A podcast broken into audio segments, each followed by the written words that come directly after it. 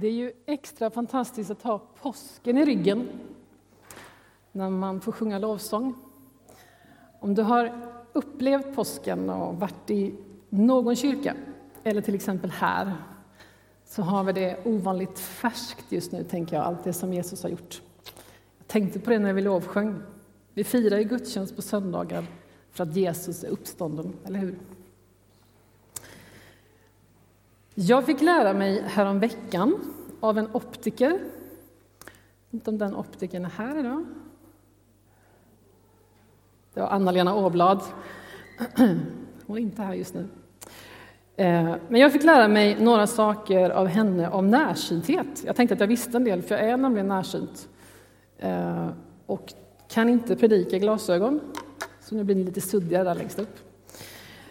Jag fick lära mig att närsynthet ofta kommer gradvis. Så att när man väl liksom upptäcker att är man, oj, vad jag inte ser där uppe, då har man antagligen varit liksom närsynt ett tag. Eh, men man har vant sig sakta men säkert vid att det är lite suddigt. Jag fick också lära mig att ögat är en muskel som kan bli trött. Man kan bli trött av att försöka kompensera sin suddiga bild, sin oskarpa bild. Så fick jag lära mig att när man är just närsynt så är det inte lönt egentligen att försöka kompensera. Därför att om jag ska se liksom där uppe så måste mitt öga vara avslappnat. Man behöver yttre hjälp för att få bilden skarp. Vi ska ägna fyra söndagar åt att göra nedslag i Sakarja bok. Och man kan undra, vad har närsynthet med profeten Sakarja att göra? Vi tycker att vi har hittat en slags gemensam nämnare för de här fyra nedslagen. Och att det har med närsynthet att göra. Att det har med skärpa och oskärpa, behovet av klarsyn, att ha rätt bild, att ha samma bild som Gud. Att se det Gud ser, att se vem han är, att se vad han gör och se vad han vill. Att se nuläget och det framtida hoppet. Kanske mest nuläget, därför att profeterna i Gamla testamentet har väldigt mycket den rollen att liksom se och analysera sin samtid och berätta för sin samtid hur liksom läget är. När vi ser en sann bild, en tydlig bild, då tänker jag att vi kan be mer precis, drömma och visionera utifrån ett verkligt nuläge, älska och glädjas och bygga upp och stötta där det behövs. Därför så vill vi tala om närsynthet utifrån Sakarja bok. Jag skulle bara vilja ge lite så här bakgrundsfakta först. Eh, hur man liksom möjligen kan närma sig den här profetskriften. Gamla testamentet är ju väldigt mycket berättelsen om det här folket, om hur Gud väljer ett folk som på ett särskilt sätt ska vara hans eget folk, som ska leva i nära gemenskap med honom och som ska bli liksom Guds möjlighet att visa hela världen vem han är. Till exempel är ju tanken om det här folket att de ska inte ha någon kung, därför att Gud själv ska vara deras kung. Det här folket känner vi som judarna eller Israels folk. Och de svajar faktiskt ganska mycket i sin kallelse och i sin överlåtelse. Och ett bevis på det är just det att de ber en vacker dag om att få en kung så att de kan bli precis som alla andra folk. Både profetskrifterna och de olika berättande skrifterna i Gamla testamentet är fyllda av det där temat, hur de vänder sig bort från Gud hur de återvänder till Gud, hur de vänder sig bort från Gud och hur de återvänder till Gud. Det är ofta beskrivet genom den kung som regerar. Kung si och så gjorde vad gott var i Herrens ögon. Eller tyvärr allt som oftast, kungen den och den gjorde vad som var ont i Herrens ögon. På 500-talet före Kristus så blir så hela landet intaget av främmande makter. Hela landet och inte minst deras heliga stad Jerusalem med templet, det blir erövrat, nedbränt, plundrat och helt ödelagt. och så förs de bort i fångenskap till Babylonien. När det här sker så är en av de kända profeterna Jeremia verksam och man kan också läsa om Daniel i Daniels bok från den här tiden. Klagovisorna skildrar också den här sorgesamma situationen när de är långt borta i fiendeland. För judarna var det en stor katastrof att Jerusalem blev ödelagt. Framförallt att templet blev ödelagt. Därför att templet var en mäktig och stark och liksom fantastisk symbol för just det där att man var Guds eget folk. Templet stod för tillbedjan, för gudstjänstliv, för att Gud bor mitt ibland oss. Och så länge liksom templet står här så är vi skyddade. När de nu levde i främmande land så var det mer än att de bara var krigsfångar, som att inte det skulle vara nog. Men det var också att de levde utan de där yttre förutsättningarna som de behövde för att gestalta sin tro och sin tillbedjan och leva i sin kallelse fullt ut som det här folket. Okej, okay. så när profeten Sakarja nu är verksam i slutet av 500-talet före Kristus, och då är slutet av 500-talet 520, det blir liksom baklänges, så är det i Jerusalem. Och det är Jerusalem därför att judarna har sedan en tid tillbaka fått lov att återvända. De har börjat bygga upp staden Jerusalem. Och de har faktiskt börjat bygga upp till och med templet, men helt kommit av sig. Platsen för tillbedjan, den där starka liksom, symbolen och tecknet och det här synliga för att Gud bor mitt ibland dem, det ligger fortfarande raserat. Sakarja han blir en av de personerna som får vara med och heja på att det här tempelbygget ska starta igen. Och det här kan man läsa också om i Estra bok och man kan se det hos Haggai som är en samtida profet. Sakarja bok är svår och spretig och det säger inte bara jag för att jag tycker det, utan det kan man till och med läsa i böckerna att det är. Så vi är alla liksom i gott sällskap. Sakarja är svår. Det följer inte ett enda givet tema, men vi kommer göra fyra liksom nedslag och se vad de här gamla texterna kan säga till oss. Och vi tycker att vi har hittat någonting i det där med att se. Och att se suddigt och se klart. Och att få hjälp med sin närsynthet. Okej, okay. i första kapitlet så finns det en märklig text. Och jag ska inte läsa hela den, för det går nästan inte om man får säga så ens högt i kyrkan. Men Sakarja har en syn där Gud har sänt ut en ryttare. Den här ryttaren färdas i den här synen över jorden och så rapporterar han tillbaka så här. Nu har jag liksom sett över hela jorden och allt är lugnt och stilla. Eller allt är väl.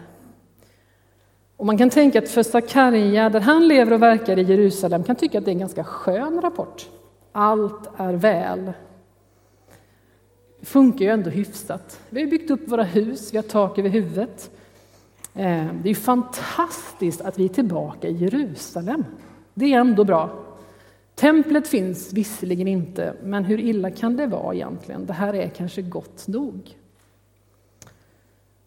Men så får Sakarja också höra Gud tala till honom. Och då är det en passionerad Gud som uttalar sig om vad han önskar få se bland sitt folk.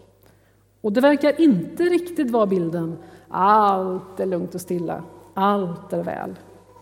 Och det ska vi läsa, den här liksom profetian från Sakarja 14, halva vers 14 och några verser framåt.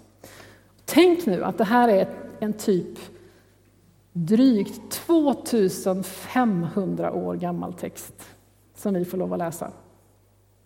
Så säger Herren Sebaot. Stark är min lidelse för Jerusalem och för Sion. Häftigt vredgas jag på de självsäkra folken. Min vrede var måttlig, men de överdrev straffet. Därför säger Herren, i barmhärtighet kommer jag åter till Jerusalem.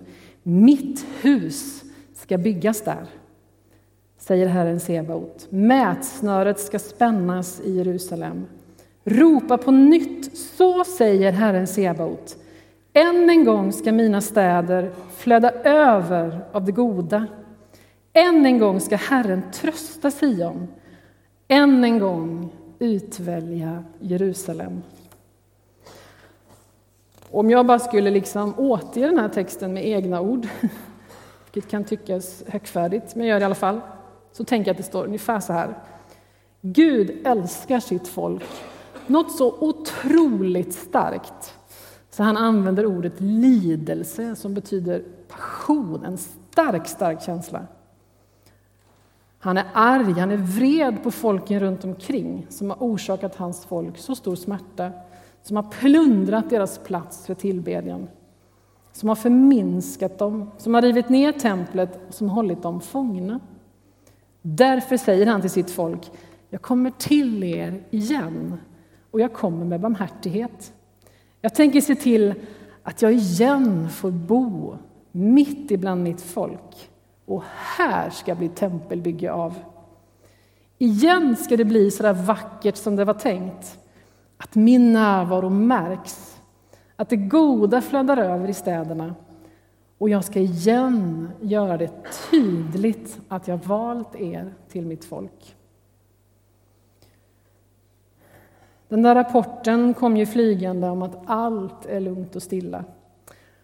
Och om man bara hade lyssnat på den så hade man kunnat tänka att ah, vi låter saker vara som de är. Vi är faktiskt tillbaka i Jerusalem. Vi har någonstans att bo. Vi har visserligen ingen plats för tillbedjan och Gud bor inte så där som det var tänkt mitt ibland oss. Men det börjar ju hyfsat likna en stad. Nu får vi väl ändå nöja oss. Det hade inte varit så konstigt om den bilden hade fått regera, tänker jag. För fångenskapen hade varat i decennier. Många av de som var vuxna när de fördes bort måste ju rimligtvis nu vara döda. Och många av dem som kom tillbaka till Jerusalem måste ju rimligtvis fötts under tiden i Babylonien. De som aldrig liksom hade fått se den här härliga bilden av Jerusalem och templet, hur skulle de ens kunna liksom riktigt längta efter det? De har ju inte varit med. De har hört berättelserna. Så det är klart att de har en ganska diffus bild om hur det där var tänkt att vara. De hade inte bott i den där staden där Gud själv hade sin boning. De hade inte liksom känt i sin egen kropp hur det känns att promenera upp till templet för att be. Och de hade långsamt, långsamt vant sig vid en annan bild och blivit närsynta. Och när man är närsynt då ser man bara klart på nära håll. På sitt eget och det man försöker bygga väldigt nära sig. När man lyfter blicken och försöker se den större bilden så blir det suddigt och nu vill Gud genom Sakarja påminna sitt folk om hans bild, om hans passion för sitt folk, om hans längtan att få bo mitt ibland dem. Om hans beslutsamhet att inte nöja sig med någon liten liksom, grund till templet, utan hur det ska få resa sig i all sin härlighet. Han håller inte med om att allt är väl. Han ser en annan bild. Och han säger till sitt folk, ni har faktiskt inte återvänt helt och hållet. Inte till det ni var tänkt att vara. Ni skulle vara min landningsbana på jorden, mitt redskap, min kanal för att visa alla världens folk vem jag är. Det finns mer. Ni drömmer för smått, för ni vet inte längre vilka ni är. Ni har sakta vant er vid en annan bild under alla de där åren i fångenskap. Och jag längtar efter att ni ska få se en klar och skarp bild ibland, igen. Vilka ni är, er kallelse, er plats och er roll som mitt folk. Och den här, kommer, den här gången kommer Gud i barmhärtighet till sitt folk. Jag vet inte om ni minns för ett år sedan, ni som var här då när vi predikade från Amos. Det var inte riktigt med barmhärtighet Gud kom den gången. Han sa typ, jag står inte ut med era gudstjänster. Liksom, lägg av! Och nu kommer Gud i barmhärtighet till sitt folk. Han kommer med tröst. Han ser hur de har kämpat i främmande land. Att de har sörjt det där raserade templet. Han kommer med nåd med deras liksom oförmåga, deras kraftlöshet. Och profetorden till dem andas ingen förebråelse. Mitt hus ska byggas där, lovar han genom Sakarja. Det ska bli bygge av. Och jag ska igen låta mitt goda flöda hos er, ska trösta er och låta er veta vilka ni är.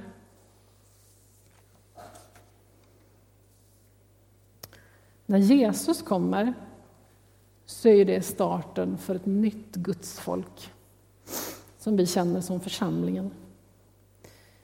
I första Petrus 2 står det så här om oss.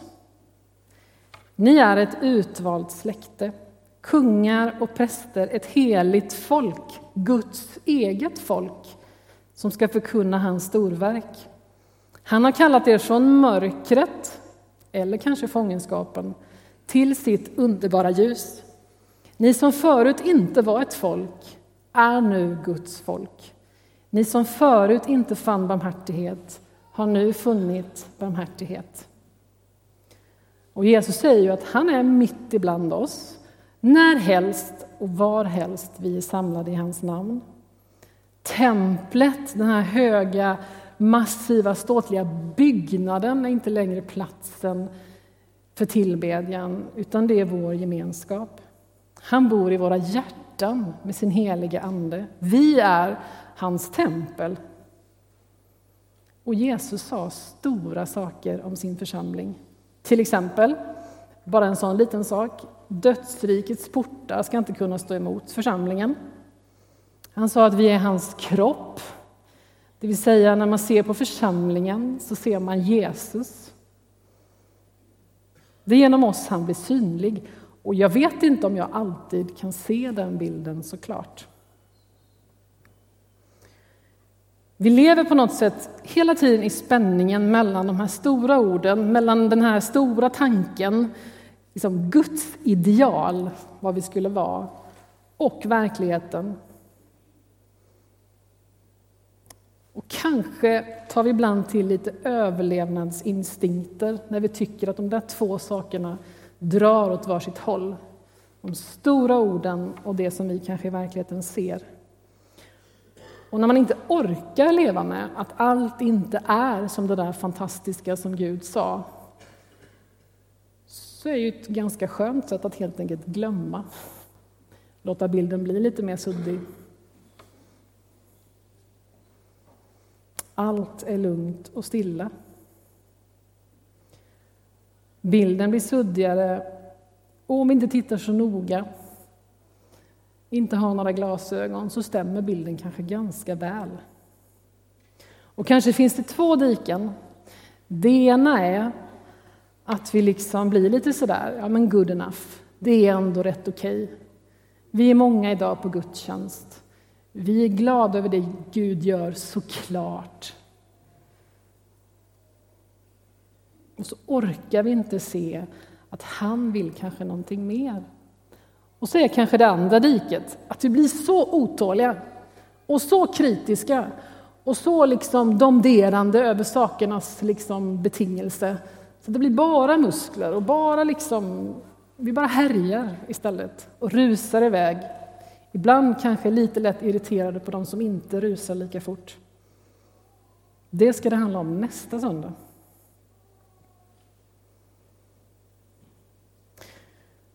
Vår utmaning är att leva i den här stora paradoxen att Gud faktiskt verkar och att för honom är varje enskild människa så ofattbart viktig. Han lämnar alltid de 99, det stora, för den hundrade, det som vi kanske tycker är det lilla. Det är alldeles sant. Men så är det också så att den där hundrade är ju så väldigt många och Gud längtar efter så många. Gud tänker stort om vår församling. Han tänker alltid större än vi. I sista versen i den här lilla texten så tycker jag att vi kan läsa om hur Gud förmår hålla de här sakerna i sina händer på ett fantastiskt sätt. Det stod ju så här, än en gång ska mina städer flöda över av det goda. Alltså, mitt folk ska få se goda dagar, där det är märkbart att jag verkar. Och så säger han, än en gång ska Herren trösta Sion. Alltså, jag ser att de kämpar, att de ibland är besvikna, att de sörjer att allt inte är så där i Jerusalem som deras bild av Jerusalem. Att allt inte är återuppbyggt och att templet bara står där med någon sorts ruiner. Och han säger, än en gång ska Herren utvälja Jerusalem. Alltså, Gud kommer aldrig ge upp om det han tänkte. Han väljer oss, han väljer sitt folk gång efter gång efter gång efter gång. Och han säger till oss att välja honom, att återvända, att söka honom, att våga tro att det han har kallat oss till fortfarande gäller. Så han kommer med tröst å ena sidan i det som kanske är besvikelse, ouppfylld längtan, grusade drömmar, krass verklighet. Så kommer han med kallelsen, utväljelsen. Att fortsätta våga kalla oss själva för hans eget folk, hans församling, hans kropp. När vi så småningom går in i avslutningen av vår gudstjänst så ska vi be för vår församling. Och det ska vi göra tillsammans. Vi ska be att vi får se det där, hur Guds godhet flödar över. Att vi ska få se att vi är utvalda och kallade att göra hans storverk. Det ska vi göra om en stund. Men vi ska också var och en få vara i tillbedjan och bön. Och vi ska alla få chansen att bjuda in den helige Ande i våra liv. Att ge oss igen till den Gud som har lovat att bo i oss, bo mitt ibland oss och verka genom oss. Jag fick som sagt lära mig om närsynthet, att den kommer gradvis. Att när man väl söker hjälp så har det kanske pågått ganska länge. Man har inte tänkt på att man inte ser klart. Så fick jag lära mig där att ögat är en muskel som kan bli trött. Man kan bli trött av att försöka kompensera och kompensera och kompensera, som är helt lönlöst eftersom ett närsynt öga måste få slappna av och få yttre hjälp. Jag kan definitivt vara närsynt när det kommer till att se bilden av församlingen. Jag vet vad det är jag ska se, men bilden är ändå ofta oskarp. Ja, visst, församlingen är Guds mäktiga verktyg på jorden och ingenting ska stå oss emot.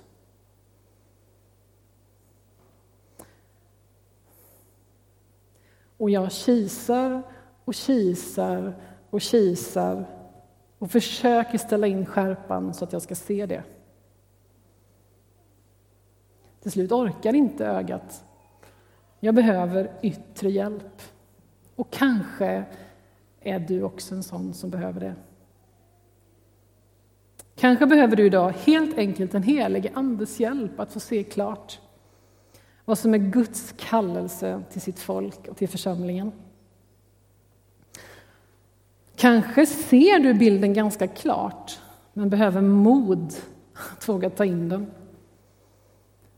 Kanske finns det någon här som likt mig behöver mer nåd med de andra. Kanske behöver du ny kärlek till församlingen. Kanske behöver din bild få helas så att du får nytt hopp om församlingen. Kanske behöver din besvikelse över vad församlingen gjort eller inte gjort helas. Kanske behöver du Guds särskilda tröst. kanske behöver du få syn på att i den där utväljelsen, där ingår faktiskt också du. Det hjälper inte att själv försöka kompensera sin närsynthet. För att se klart behöver man yttre hjälp. Och de goda nyheterna är att den hjälpen finns här. Låt oss be.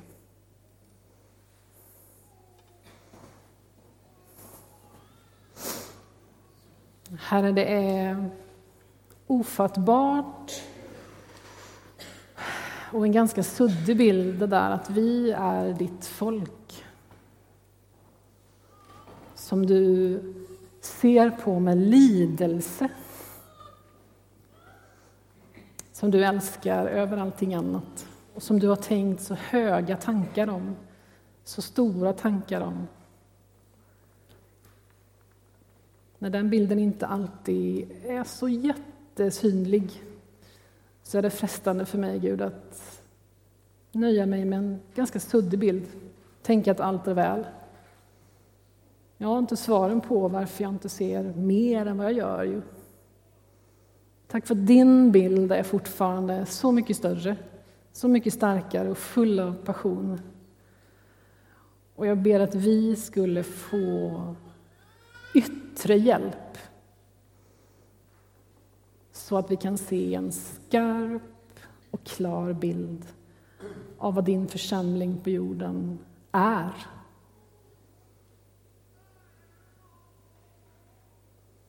Du vet precis på vilket sätt vi liksom kanske inte ser klart eller inte orkar se klart.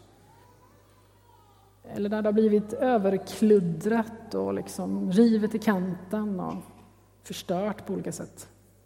Tack att du vill hela bilden där det behövs. Och här när vi helt enkelt kanske inte har förstått vad, liksom, vad vi ska vara till, varför vi finns här, så tackar jag dig för att du vill komma och upplysa oss genom din heliga Ande. Låt oss få se. Låt oss få se klart. Och låt oss få våga ta in den bilden. Amen.